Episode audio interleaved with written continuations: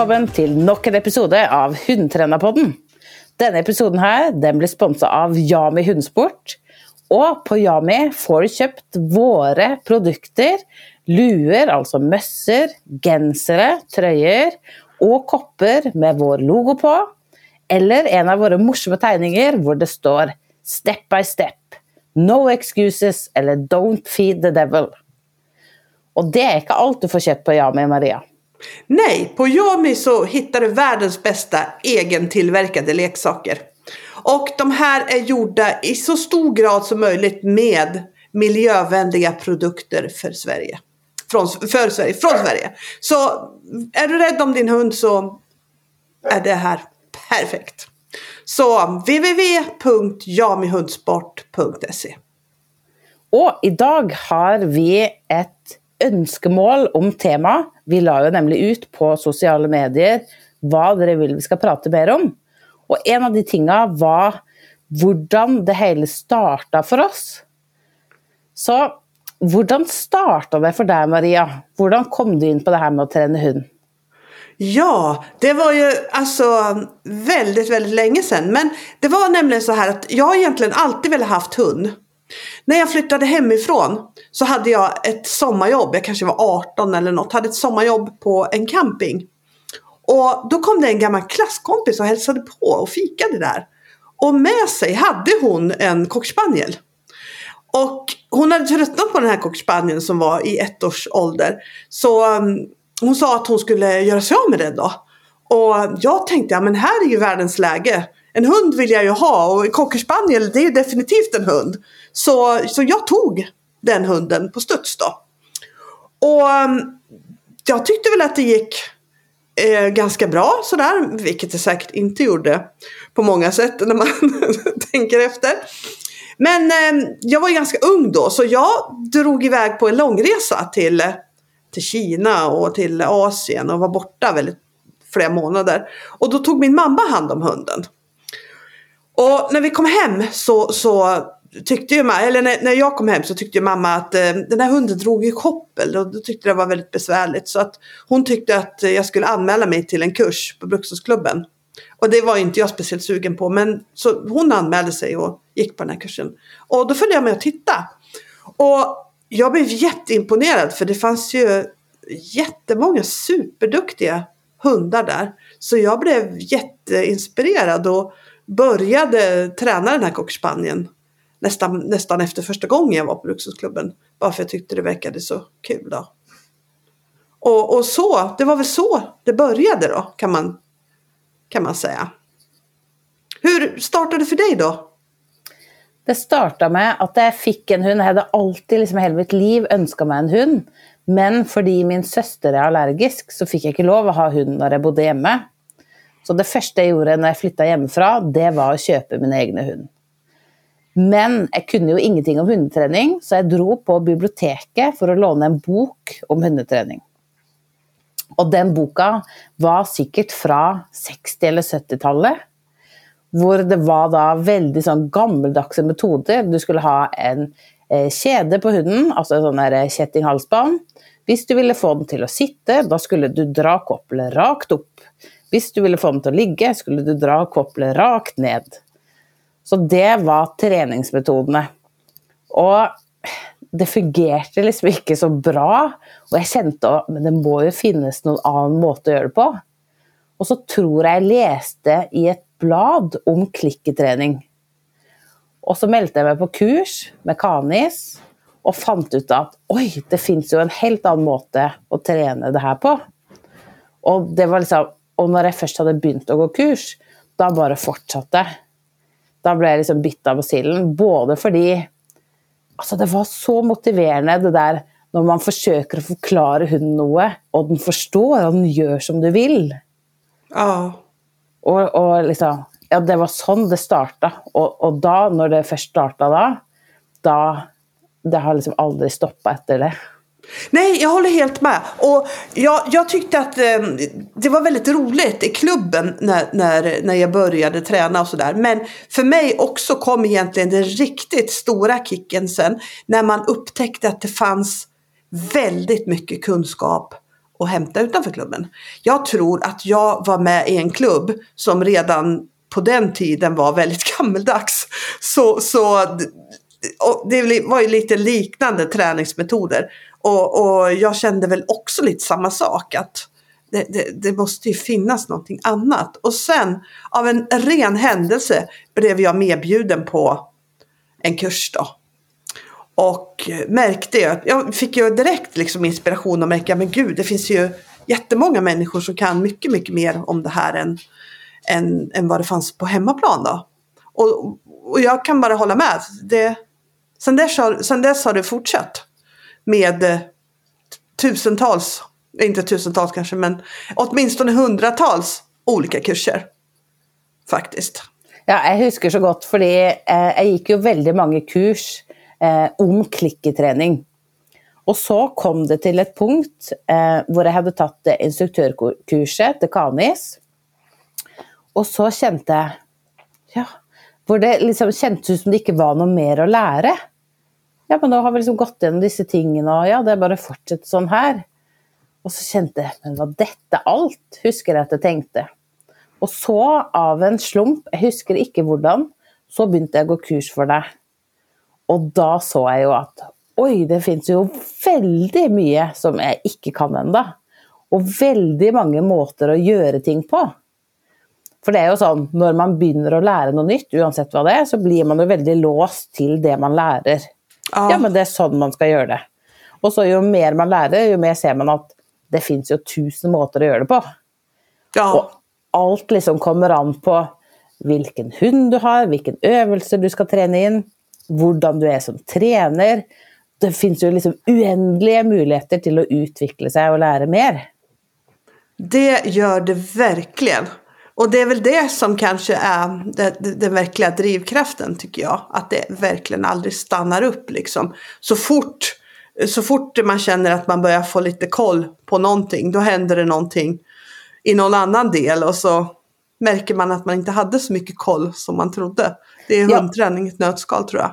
Ja, verkligen. Och så syns jag många gånger när någon har sagt att de ska göra en ting eller gör eh, Jag husker speciellt godt en ting och det var, det var någon som skulle träna ruta, så la de en ball inn i ruta. Och jag husker att jag tänkte, det där kommer aldrig att gå, du lär ju bara hunden att springa till en ball, inte ruta. Och så gick det. och det var liksom första aha-upplevelsen at ah, du vet kanske inte allt. Det har kanske inte så mycket med metode att göra, men mer liksom hur man bruker den metoden. Ja. Och det följer jag har liksom följt med. Till och med idag så kan jag tänka, nej det där vet jag inte om jag hade gjort, om det kommer att funka. Och så funkar det. Och det gör ju att man blir ju väldigt ydmyk. Och väldigt inspirerad. För det betyder ju det är ett eller annat som jag inte har förstått. Om ja. dessa tingene som i teorin inte ska funka, funkar. Vad är liksom då hemligheten? Mm. När, men när, när, kom du till din första tävling då? Och kommer du ihåg någonting runt det? Alltså jag husker den allra, aller första tävlingen. Då hade jag en tror jag hade en schäferblandning. Och då hade jag aldrig konkurrerat för. Um, och jag var ju överhuvudtaget inte förberedd.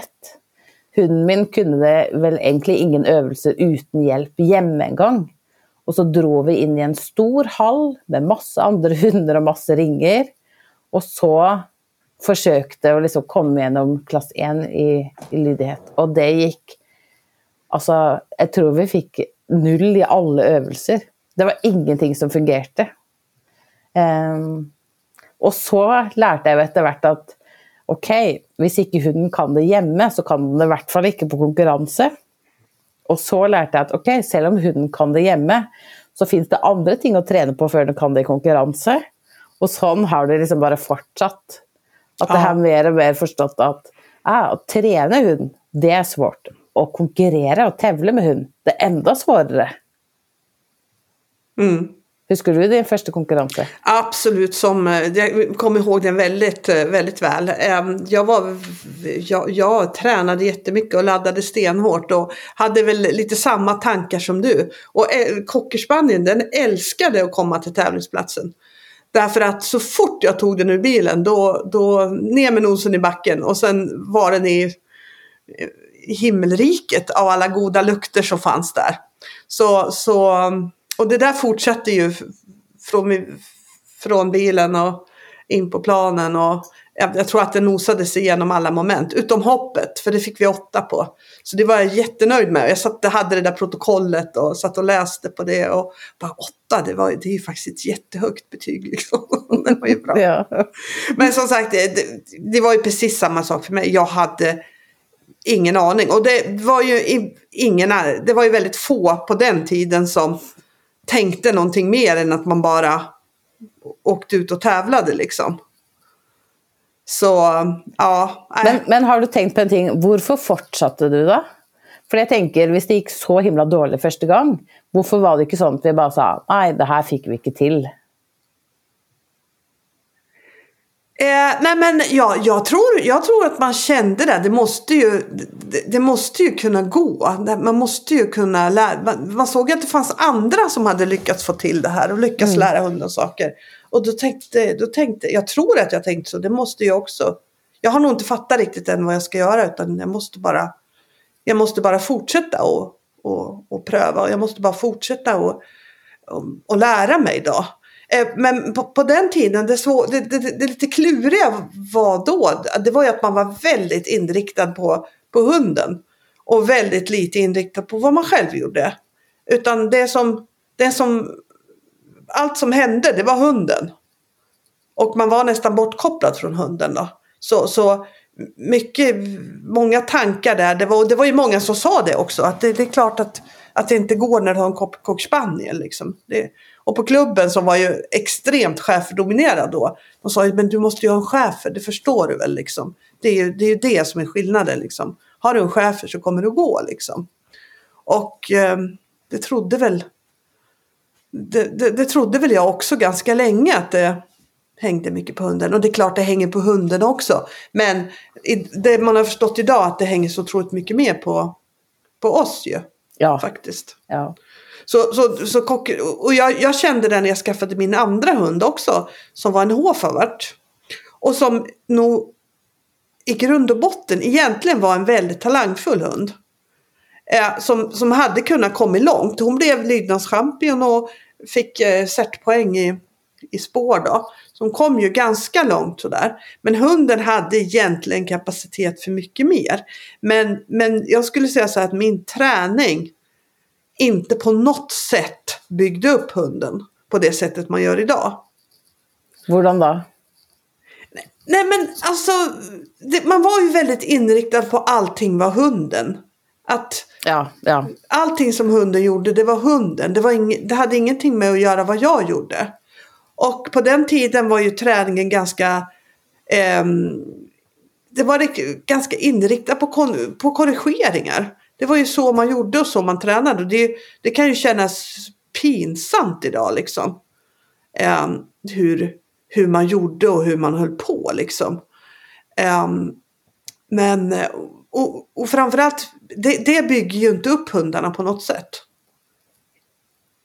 Idag så, så jobbar, jobbar ju, jag jobbar ju abs, absolut inte på det sättet utan idag handlar det ju om motivation helt och, helt och fullt. Och, och man jobbar mycket, mycket med det. Och man jobbar ju mycket med att hunden ska ta initiativ och att hunden ska få mycket självförtroende och att hunden ska ha himla kul hela tiden. Och det var det ju inte tal om då. Utan då var det att hunden skulle lyda då, mm. faktiskt. Um, så, så nästa hund tror jag inte heller var. Men sen hunden därefter som var en kelpie, då började jag fundera på det här mer och mer. Liksom, men kan man inte göra mer? Finns det ingenting liksom mer man kan göra träningsmässigt för att... Och sen började jag söka mig till personer som kanske hade som hade ett trevligt träningssätt. Och, och från det har det väl fortsatt då. Och, och på, på den tiden så fanns det ju inte speciellt många ska man ju säga. Ja, vem gick du till då? Ja, jag kommer faktiskt ihåg att en, en av de första som jag lärde mig ett annorlunda sätt att se på träning, det var ju Eva Bodfeldt. Jag gick på en kurs för henne och jag såg faktiskt eh, em, anteckningarna därifrån för ett tag sedan när jag gick igenom mina gamla papper. Jag har sparat ganska mycket anteckningar från kurser och då, då läste jag dem. Och många saker kan jag liksom eh, även idag säger jag, ja men det där var ju smart och ja det där var ju ett bra sätt att tänka. Och, så det, för, för hon var ju en av de få då som jobbade mer åt det hållet som vi gör idag. På den tiden skulle jag säga.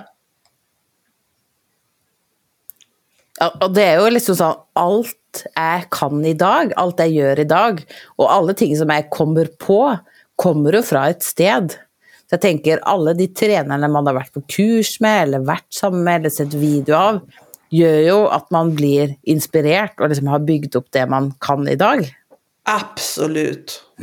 Absolut. Och, och det har ju varit väldigt många vid det här laget. Både inom Bruks och inom, ja, inom lydnad och ja, in, in, inom det mesta faktiskt. Och, och mm, jag tränade ju mycket sök på den tiden. Och, och då gick, vi på, gick jag för eh, två instruktörer då som, som var väldigt duktiga sökinstruktörer och de inspirerade ju väldigt, väldigt mycket och, och, och med dem så fick man ju också en helt annan syn på söket. Och på köpet då ett helt annat resultat faktiskt. Så ja, nej men som du säger, det är nog många som har påverkat genom åren faktiskt. Jeg husker at den første hunden jeg liksom begynte å konkurrere med for alvor, det var en blanding av fuglehund, altså setter, og border collie. Og denne hunden her, han var ikke så veldig glad i mat, ikke så veldig glad i leiksaker. Så jeg sleit som et dyr for å liksom få motivasjon. Jeg husker jeg var på butikken, og så kjøpte jeg alt mulig spiselig. Eh, altså I Norge har vi noe som heter fleskepølse. Jeg vet ikke om dere har det. Fleskkorv. Ah, Som er- okej. ja. Eh, og sardiner og popkorn og pannekaker og fiskekaker og alt mulig. Og testa ut på denne hunden, da. For å se hva kan jeg bruke som får motivasjonen opp. Og til slutt så fikk jeg det til sånn noenlunde. Eh, og vi konkurrerte i klasse 1 og fikk opprykk, og i klasse 2 da tror jeg vi akkurat ikke fikk opprykk. Eh, men den hunden lærte meg i hvert fall utrolig mye om hvordan man kan legge opp treninga for å få motivasjon og fokus. ja. Men det lærte meg også at det er ikke alt man kan gjøre med trening. Fordi når jeg fikk neste hund, som var en border collie, så fikk jeg jo mye mer belønning for det jeg gjorde. Det var litt sånn som min kompis sa, som også kjøpte en border collie, så sa hun det hjelper jo å trene. Fordi vi hadde vel begge hunder som var litt vanskelig å motivere. ja. Men i dag så er jeg jo glad for at jeg hadde den hunden, fordi da har jeg jo masse verktøy til andre jeg møter, eller hu- andre hunder jeg får, hvis jeg må bygge opp motivasjon. ja. Men det var när jag fick min första border collie, då började jag konkurrera och hon kom med, med eh, Var med och konkurrerade i NM och var liksom på högt nivå. Så det var, det var då, då lärde jag ju ända mer om hur mycket det har att säga, hur vi lägger upp träningar, inte bara på övningarna, men på allt det andra som är runt. Og jeg husker blant annet, og jeg har sagt det før òg, at du prata om at det er viktig å trene på å gå uten belønning. Det er viktig å trene på å komme inn på et nytt sted, være fokusert med en gang. Og jeg husker at jeg sa ja, men det har jeg jo gjort. Det blir ikke bedre. Og det som jeg forsto etter hvert, at ja, det rekker ikke å gjøre det bare én eller to eller tre ganger. Du må gjøre det hver uke, ja. så det blir en vane. Eh, og så, etter jeg hadde konkurrert med border collie noen år, så bytta jeg jo rase til Malle og begynte å konkurrere i mondiøring. Og da lærte jeg jo enda mer. At ja, mange ting som jeg hadde lært tidligere, som jeg kanskje måtte endre på. Eh, nye måter å gjøre ting på. En helt annen rase å forholde seg til. Med Ja. andre liksom, lyster og andre måter å gjøre ting på. Så det òg lærte jeg utrolig mye av. Og det jeg Ja. lærte aller mest av, var jo alle gangene jeg gjorde feil.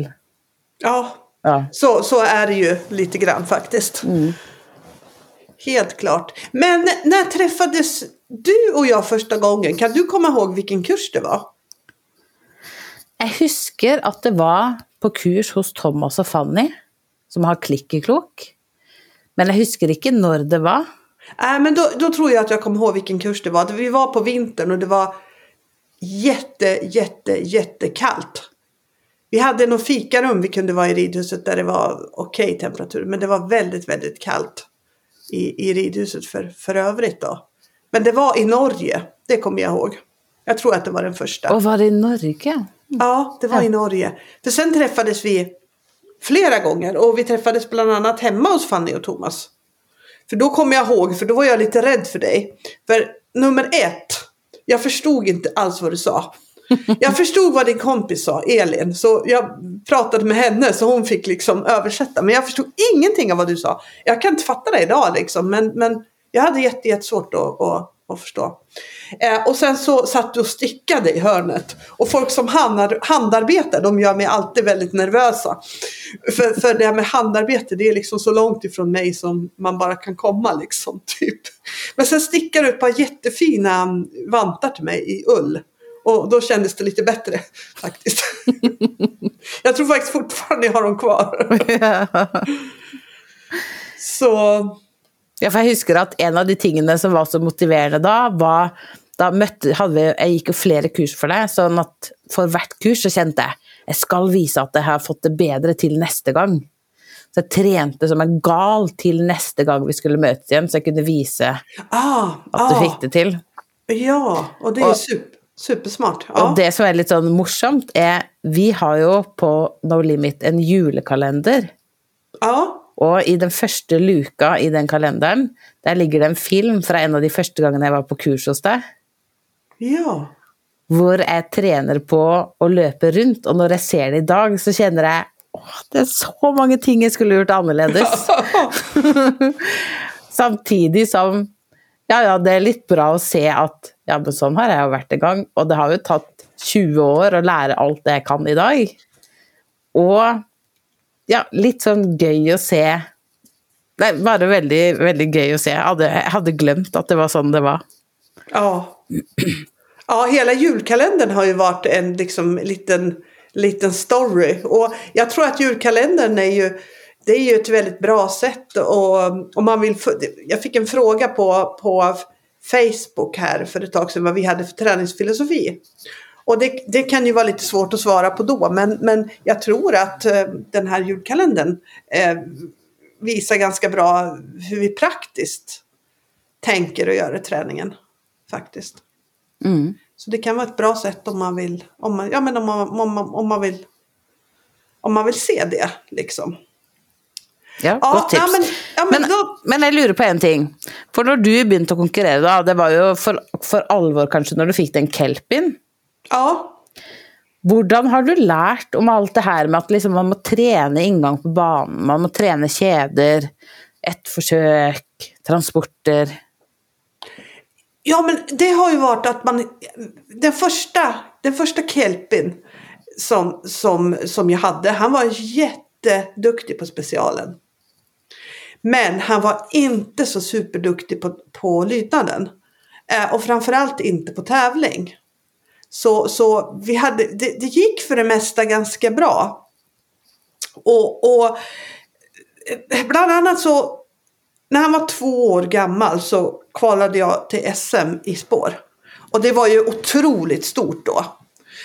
Sen, sen körde, körde jag det SM och vi hade lite otur för det var ett extremt dåligt väder så det var extremt blött och extremt regnigt. Och för en hund som inte har tillräckligt med motivation på lydnaden så är ju det liksom då, då, då, då är regn ett problem. Har du en hund som är tillräckligt motiverad på lydnadsplan, då är regn inget problem skulle jag säga.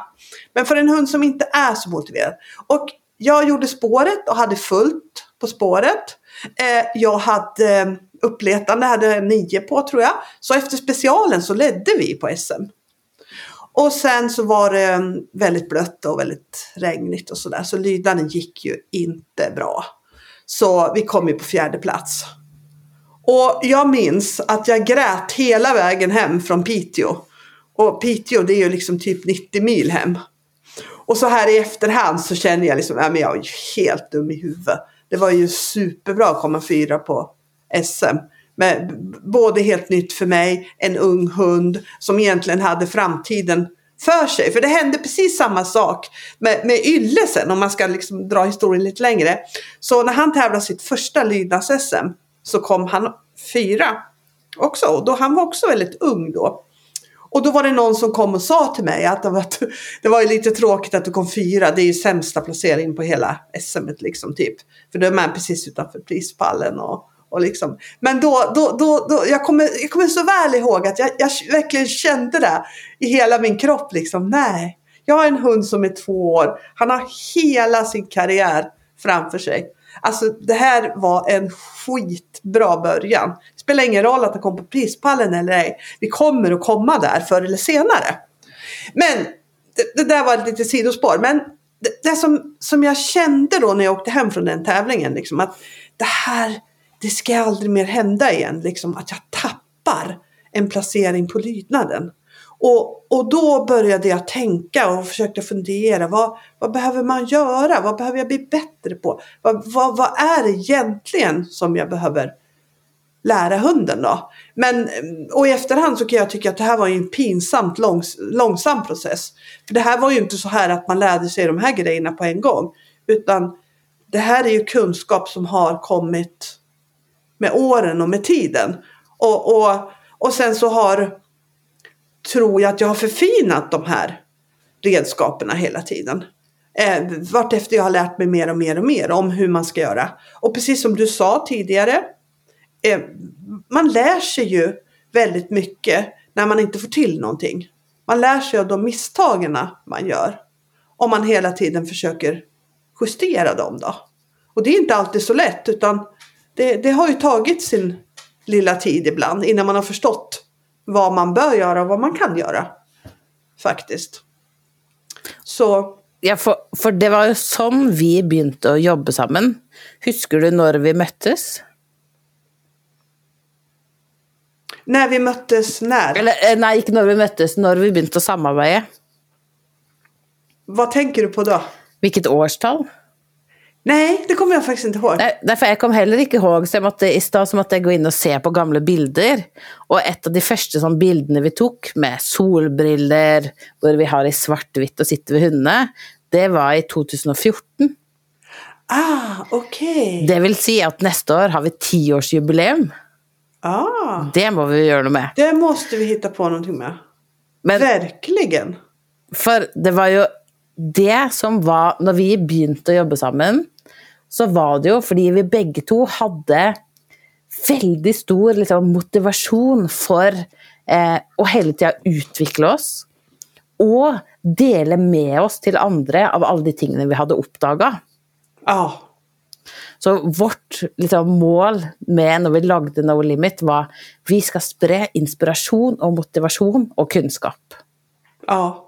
Ja, det var det ju verkligen. Och det, det var ju det som, det, det var ju verkligen det vi hade gemensamt. Och jag tror en annan sak som vi har väldigt mycket gemensamt, det här och hela tiden eh, inte vara nöjd med vad man kan, utan hela tiden försöka hitta nya vägar fram, bättre vägar fram, snabbare vägar fram, snabbare sätt, bättre sätt att få hunden att förstå. Och få kunna samarbeta med hunden och ja, vi, vi, vi båda har ju varit väldigt upptagna med liksom vad vi kan göra. Snarare än att fundera så mycket på, på hundarna. Man, man, man, jag tror vi båda tänker att man kan plocka fram väldigt mycket mer i hundarna genom att vara väldigt eh, medveten om vad man själv gör och jobba mycket på sig själv och, ja, och lära sig mer framför allt. Ja, for jeg husker En av de tingene som jeg ble mest imponert av, eh, det var när vi började jobba samman, att du alltid säger sån, Du, det har du så bra. Kan inte du visa mig hur du har tränat det? Kan inte du lära mig att göra sån? Och i starten så tänkte jag, men kan ju ingenting. Du, jag har ju lärt allt jag kan av dig. Och du borde ju liksom Men sån är du alltid. Varje gång du ser något, Å, kan inte du lära mig det? Och det tror jag liksom är en av dina största styrkor, att du är ydmyk. Och det gör ju att du hela tiden förnyar dig. Altså, du har jo trent hund i veldig mange år. Ja. Og at du fortsatt er så oppdatert på trening. Hvordan Mm. har du liksom klart det? Ja, ja, men jag tror att det är, att det är liksom min drivkraft, det, det är utveckling. Om, om saker och ting är konstanta så blir jag lätt uttråkad. Ska jag säga. Då, då, då, det, jag tycker inte det är roligt, jag tappar, jag tappar lusten då. För, för mig så krävs det ganska mycket förnyelse hela tiden för att motivationen ska finnas kvar då. Och, och, och det, det, hundträning är, är ju bra på det sättet. För det, det är liksom, det som vi sa i början, det tar aldrig slut. Det finns alltid mer utveckling. Men vad skulle du säga att det är din starkaste sida som, som hundtränare? Jag vet vad jag tycker, men vad, jag skulle bara höra, se om vi säger samma sak. Alltså, jag syns att min största styrka är at jeg er flink til å skape motivasjon hos hundene. Det tror jeg er min største styrke. Ja, fast det, det- ja, det, det, det är en stor styrka, men jag tycker att du har en ännu större. Vad skulle det kunna vara? Ok, kanskje at jeg er flink til å tilpasse treninga til for ulike hunder? Ja, det är också en styrka. Nej, det är faktiskt att du är kreativ. Ja. Att du är väldigt kreativ i din träningsprocess. Och samtidigt som du är kreativ så är du bra på att sätta ord på att förklara vad du gör. Du, du är ju väldigt... Du, du kan nästan alltid förklara allting du gör. Det kan, det kan däremot inte jag. Jag gör kanske saker som jag inte ens vet om att jag gör och inte ens tänker på att jag gör. Men eh, du är väldigt bra på att sätta ord på, på det som du gör. Och du är ju väldigt, väldigt kreativ på, på många olika sätt. Och, både i träningen och, och i hur man förklarar träning. Och det är ju en väldigt... Ja, der styrka. kjenner jeg litt som det er at det er det som er gøy med hundetrening, når man kan teste liksom, Hva hvis vi gjør sånn her? Og kanskje det går, eller kanskje det ikke går, men at man våger å prøve. Ja, Fordi i perioder så har det vært sånn Nei, jeg kan ikke gjøre det, fordi da kanskje det skjer, eller jeg kan ikke gjøre sånn, for det sier den, eller Og da blir det ikke så motiverende å trene. helt sant. Men hva er din største styrke, da? Eh, ja, men jag tror, jag tror att det, det är det här vi har pratat om. Att eh, ta nästa steg och liksom utvecklas. Faktiskt. Ja. Att, att jag försöker. Och, och ja, men, nu, komma framåt hela tiden. Och, och försöker lära mig utveckling. Skulle jag säga. Utveckling är min starkaste sida. Och att jag kan ta kunskap. Det jag lär mig kan jag flytta över till, till, till den praktiska träningen. För det Og är jeg en må jo sak- også bare nevne i den at eh, du er jo den av oss som absolutt er mest oppdatert på nye ting. F.eks. det her med AI. Kjenner jeg Nei, Det forstår ikke, jeg vet ikke. Men du er jo kjempeinteressert og har masse kunnskap. Og går på kurs og forsøker å lære meg om dette. Og Ja. det syns jeg Det er bare sånn Ja, det beskriver deg veldig, veldig bra. At du er så oppdatert på det. Men din største styrke som hundetrener tror jeg Jeg tenker at du er eh, litt som et godståg. godstog. Du bare maler på. Så hvis du har begynt å trene på noe, så bare maler du på. Du går videre, tar neste steg. Liksom jevnt og trutt. Mens jeg kan noen ganger når jeg trener kjenne nei, nå, nå må jeg bli her litt. og Nei, stakkars hund, det kan ikke gå videre. Mens du bare maler på. Och det gör att du får väldigt bra resultat väldigt snabbt. Ja, ja. Jo, men det är sant. Jag, jag, är, jag har liksom hittat system för att hela tiden gå framåt. Och går man hela tiden framåt så får man ju automatiskt ett bra tryck i inlärningen. Och man, det blir mindre buggar när man kan hålla ett jämnt tryck framåt faktiskt. Det, det måste Och det är väldigt imponerande att se det träna, för många gånger så tänker jag, nej det går inte att gå så snabbt fram. Men jo, det gör det. Så det är väldigt inspirerande att se att jo, det går. Man har liksom något att sträcka sig efter när man ser det träna. Ja, ja, nej, men, ja men det är kul att du, att du tycker att du tänker så liksom. Ja. Och jag tänker att det är ju därför att vi jobbar så bra samman, för vi har ju många ting som vi har liksom fälles, och så har vi någonting som hvor det du är väldigt flink på, Ja. och inte är, och någonting hvor jag är flink och inte du. Ja. Och så samman blir det väldigt bra. Ja, precis. precis. Och det är väl lite det som vi har tyckt att var lite kul att dela i den här podden. För att vi har ju väldigt mycket samtal om allt möjligt. Ganska långa samtal om saker, nej men när det har hänt saker i träning. Ehm, Det sista vi pratade om när jag hade varit på tävling och dömt och varit funktionär för övrigt. För vi hade en ganska stor tävling så det var en lång dag. Och liksom prata om liksom, vad såg man där, vilka reflektioner tar man med sig? Vad kan man ta med sig till sin egen träning från vad som händer där? Vad kan man ta med sig till sina kurser? Vad behöver andra lära sig mer om? Vad, vad, vad, behöver, vi- vad behöver vi inspirera andra till? Och, och, och i, I de samtalen tror jag vi hittar väldigt mycket vi hittar många bra tankar och vi hittar sätt som vi kan jobba vidare på. Och det är väl lite därför som vi också har de här lite informella samtalen i, i podden. Därför att ja, men det, det kan vara kul att dela, dela till fler. För i alla fall så har jag fått otroligt mycket tankar och funderingar utifrån de här samtalen vi har haft.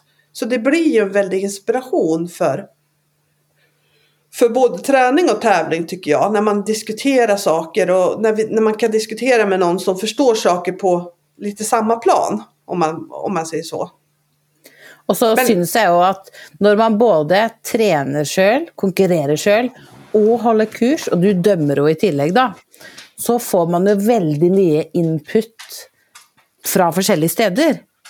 Så för Ja. det första så syns jag det är lättare att liksom hålla sig uppdaterad av vad som sker.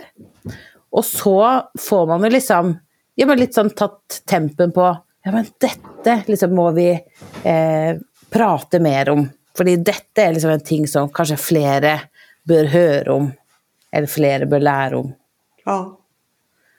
Och det syns jag ju, jag hade några år där jag inte konkurrerade på grund av att jag hade hund. Och det var inte så många år, men när jag kom tillbaka då hade det skett otroligt mycket. Så det sker ju saker hela tiden på hundträningsfronten. Och Ja, det, ja, Det gör ju ver- verkligen, verkligen det. Och jag, jag håller helt med. Det, var, det har varit helt samma för mig. Eh, när jag hade uppehåll. Nu var det ganska länge sedan jag hade ett längre uppehåll. Men jag kommer ihåg det också. Gud vad man, eh, vad man tappar mycket av. Eh, jag vet inte vad jag ska kalla det för. Av, jag tycker man tappar mycket av den här skärpan. På att se träning och tävling när man inte är med själv. Liksom. ja, jag känner att då liksom är det lätt att man hamnar i en sån där, eh, nu visar en cirkel, men att det blir sån, ja men då gör man det man alltid har gjort. Exakt. Men med en gång man får liksom gå kurs, konkurrerar, då får man ny input och då liksom utvecklar ting sig istället för bara gå samma tralten. Ja, verkligen. För, för, för det händer ju mycket på träningsfronten hela tiden faktiskt. Och det, det är kanske. Vi pratade, det var ju någon som frågade oss här på sociala medier, men hur får man ihop eh, och vara instruktör och jobba med det på... Jobba mycket med att ha kurser och sådär och samtidigt orka och träna sin egen hund var det någon som frågade. Och en del tror ju att när man är hundinstruktör då får man träna sin egen hund hela dagarna. Men tyvärr så är det verkligen inte så. Utan den sista hunden som man tränar då det är ju, det är ju sin egen hund då såklart. Så. För, för eh, när du har kurs så tränar du andra människor och, och deras hundar då. Och då, då, då, då tänkte jag så här att Nej men gud, nu tappar jag tråden. Hjälp Ja, för, för jag ska vara enig i att jag hör många som säger Ja, liksom, man har inte tid till att träna. Må man liksom jobba med hund för att få tid att träna? Och då tänker jag att om du jobbar med hund, då har du i hvert fall inte tid att träna. Ja, exakt. Du har tid, de dagarna hvor du inte har kurs, hvor du jobbar med andra ting, då är det lättare att laga tid att träna. Absolut. Men akkurat när du har kurs, då känner jag att det, då är det absolut vanskligast att träna. Men eh, nu kom jag på vad jag skulle säga. Jag skulle säga det, man får inte träna på kurs. Men det finns en annan otroligt viktig sak man får varje gång som man har kurs. Och det är ju idéer och inspiration av andra som tränar. Det, det är ju det allra bästa med att vara och ha kurs och vara instruktör tycker jag. Plus att man håller sig väldigt uppdaterad när man får se väldigt många människor träna faktiskt. Det tycker jag, det, det, det är liksom kicken i det hela. Och det, det är ju den stora nyttan man har själv också av att ha kurs. Att man får väldigt liksom, ja man får se mycket hundar och mycket ekipage. Och det är ju både, både väldigt lärande och väldigt motiverande tycker jag. Jag blir ofta sugen på att träna efter jag haft kurs. Inte kanske direkt efter i anslutning till kursen men någon dag efter när man har fått vila sig lite då. Men hur, hur tänker du då? Hur, om du har en väldigt intensiv kursvecka. Det är ju inte helt ovanligt att du kanske har kurs en hel vecka. Eh, men hur tänker du då med dina, e-, dina egna hundar och deras träning under en Ja, det som jag syns är svårast av allt är ju att nu har jag ju fyra hundar. Ja, just det. Det var, det var enklare när jag bara hade en hund. Eh, men så jag gör alltid så, på morgonen, då går jag en lång tur så de får det de behöver fysiskt. Och efter kurset, då tränar jag. Men för att den träningen, en, ska bli något av, och två, ska bli bra, så har jag planlagt på förhand vad jag ska göra. För det värsta som finns, för det har jag prövat, är när du är färdig med kurset, ganska sån mos i hjärnan, och så ska du sitta och tänka, vad ska jag träna med mina hundar idag? Det går inte. Det blir aldrig Nej. bra. Nej, det Enten blir så blir det bra. sånn Nei, jeg skiter i å trene, eller så trener jeg på noe vi kan, eller noe som er for svårt, eller Men hvis jeg har en plan på forhånd, så er det OK. Fram med treningsboka, slå opp på den sida til den hunden, ut, kjapp, kjapp, kjapp. Neste, neste side. Da Det blir liksom det beste jeg får til. Mm. Enn du, da? Jag gör tvärtom. Jag eh, går promenader, jag går så långt jag hinner i promenadväg. Eh, och sen så tränar jag innan kurs. Och sen tar jag ofta någon längre promenad efter. För det tycker jag är lite skönt sätt att, att, att rensa hjärnan. Har jag fler hundar eh, med, som när jag var på kurs senast, här hade jag alla mina tre med. Då brukar jag ta en sån här träningspromenad. Och, och då har jag alla hundar med på promenad och så gör jag olika saker på vägen som passar, eh, som kan passa alla hundarna då. Lite nosarbete, lite uppletande. Och när jag gör nosarbete och uppletande då får de andra vänta på en sten till exempel. Och det, det är ju också träning och det kräver ju också fokus, koncentration och tar ut lite energi då. Och sen så kan jag göra olika, stanna på olika stationer och göra olika saker. Allt från att dirigera mellan olika stenar till att träna tricks till att träna liksom delar av moment. Men det jag tränar på då det är sånt som jag vet är, är ganska enkelt för mig. Där inte min hjärna behöver vara så mycket på. Och är jag alltför trött då gör jag nästan bara nosarbete.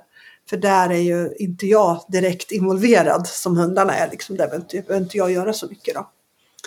För att liksom alla hundar ska bli trötta och, och nöjda. Om man säger så. Mm. Men, men eh, träning på morgon, absolut.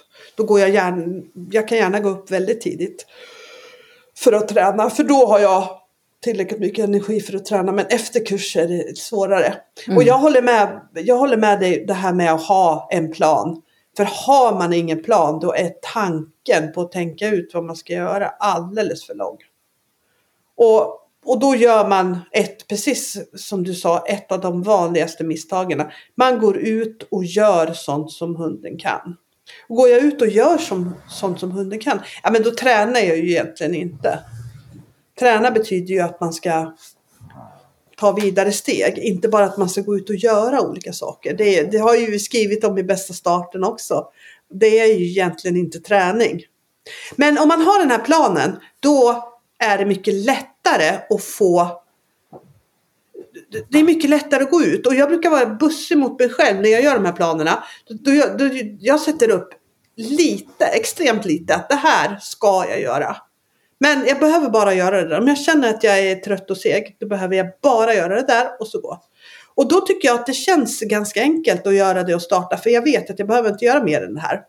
Och det här tycker jag också funkar jättebra när man har varit ute på resor och kommer hem och är dötrött och sådär. Och så har man sin plan där. Och då, då, då tänker jag okej, okay, jag går ut på planen och så gör jag det här. Och så när jag har gjort det här, pang tillbaka till soffan. Det är liksom belöningen, du får gå tillbaka till. Men det händer i princip aldrig att, jag, att det är pang tillbaka till soffan. Därför att när man väl kommer ut och startar så märker man ju att det är där man hittar sin energi. Det känns inte så i kroppen. Och jag tror att många som tränar eh, fysiskt kan, kan känna samma sak också. Att det känns inte som man vill. Men kommer man över det här steget och börjar då, då, då, då, märker man att det var ju faktiskt det man ville egentligen. Faktiskt. Så. Bra tips. Ja. Mm. Så det, det tror jag är en bra plan om man vill. Jag känner sånn, vi måste laga ett poddinlägg om allt man kan träna inne. Oh. Kommer jag på nu. För vi har ju väldigt många saker som vi tränar inne. Ja. Som jag tror kan inspirera andra. Så jag ska skriva det ner och så... Skriv ner det, för det tror jag är, att göra det. är perfekt mm. faktiskt. Och den här årstiden och när det är kallt och vi har just nu ganska mycket snö. Det gör ju också att... Men det är otroligt mycket man kan, man kan träna på och göra inne. Och jag ska säga, många har ju vinteruppehåll så hundarna får vila lite och, och så här. Eh, jag brukar också ha det. Jag brukar inte ha det så jättelänge för det. Jag, jag, jag tycker nog inte att mina hundar tycker att det är, är så jätteroligt att ha uppehåll. Eh, dels för de är vana att träna och göra ganska mycket saker. Så, så jag, jag tror verkligen inte att de uppskattar att göra ingenting eller bara gå promenader då. Och bara, bara gå promenader och konditionsträna gör vi ju mer eller mindre hela tiden då. Men, men det behövs lite små uppgifter för att de ska ja, bli harmoniska och lugna inne också då och inte stöka runt så mycket då. Så, så, um, så jag känner att det, sådana saker är perfekt den här årstiden. Mm, enig. Verkligen. Jag tror vi ska avsluta för nu. Ja. Och så ska vi spela in en ny podd senare.